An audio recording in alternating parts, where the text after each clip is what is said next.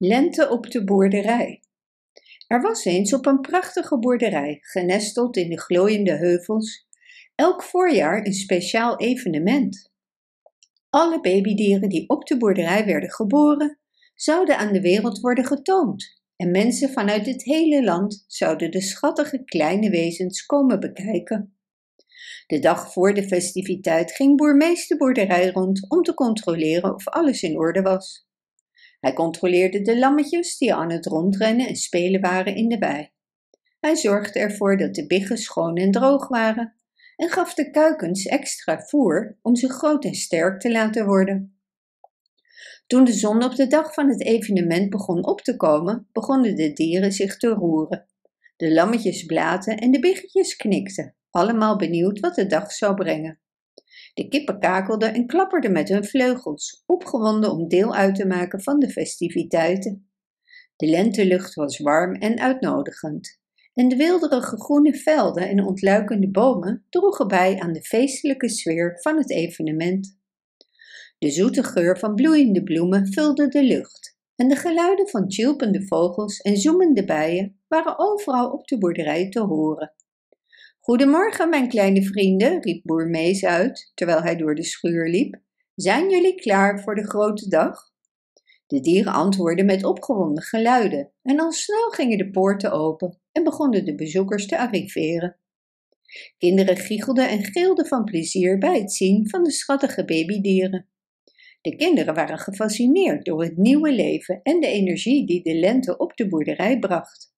Ze zagen de frisse, levendige kleuren van de bloeiende bloemen en de nieuwe bladeren aan de bomen. Ze zagen babykonijnen en eekhoorns rond de boerderij rennen en luisterden naar de melodie van de zingende vogels in de bomen. Boer Meis legde de kinderen uit dat de lente een heel bijzondere tijd op de boerderij was. Een tijd van vernieuwing en groei. In de lente wordt het weer warmer, worden de dagen langer en ontwaakt alles uit zijn winterslaap, zei hij. Het is de perfecte tijd voor een nieuw leven om te beginnen. Ze vroegen hem wat hij in het voorjaar op de boerderij deed.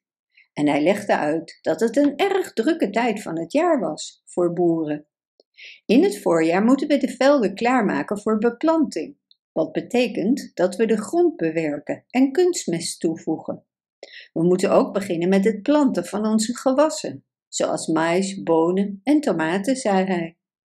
De kinderen keken uit over de uitgestrekte velden en konden zien hoeveel werk het zou kosten om alle gewassen te planten en te onderhouden. Ze waren onder de indruk van hoeveel zorg en hard werk er werd besteed aan het runnen van een boerderij. Naast het planten moeten we ook voor onze dieren zorgen, vervolgde boer Mees. We moeten ervoor zorgen dat ze voldoende voedsel, water en onderdak hebben en dat ze gezond en gelukkig zijn. De eerste stop op de toer was de schaapskooi, waar de lammetjes rond hun moeders huppelden. Wist je dat lammetjes de stemmen van hun moeder vanaf de geboorte kunnen herkennen? vroeg boer Mees aan de kinderen. Ze hebben ook een heel sterk reukvermogen, waardoor ze dicht bij hun moeder kunnen blijven. Vervolgens gingen ze op bezoek bij de biggetjes, die in een grote berg hooi waren gekropen. Wist je dat varkens wel 200 verschillende geuren kunnen herkennen? zei boer Mees. En ze zijn ook heel slim. Sommige mensen trainen ze zelfs om kunstjes te doen. De kinderen liepen door naar het kippenhok, waar de kuikentjes gluurden en tjilpten. Wist je dat kuikens al met elkaar kunnen communiceren voordat ze uitkomen? zei boer Mees.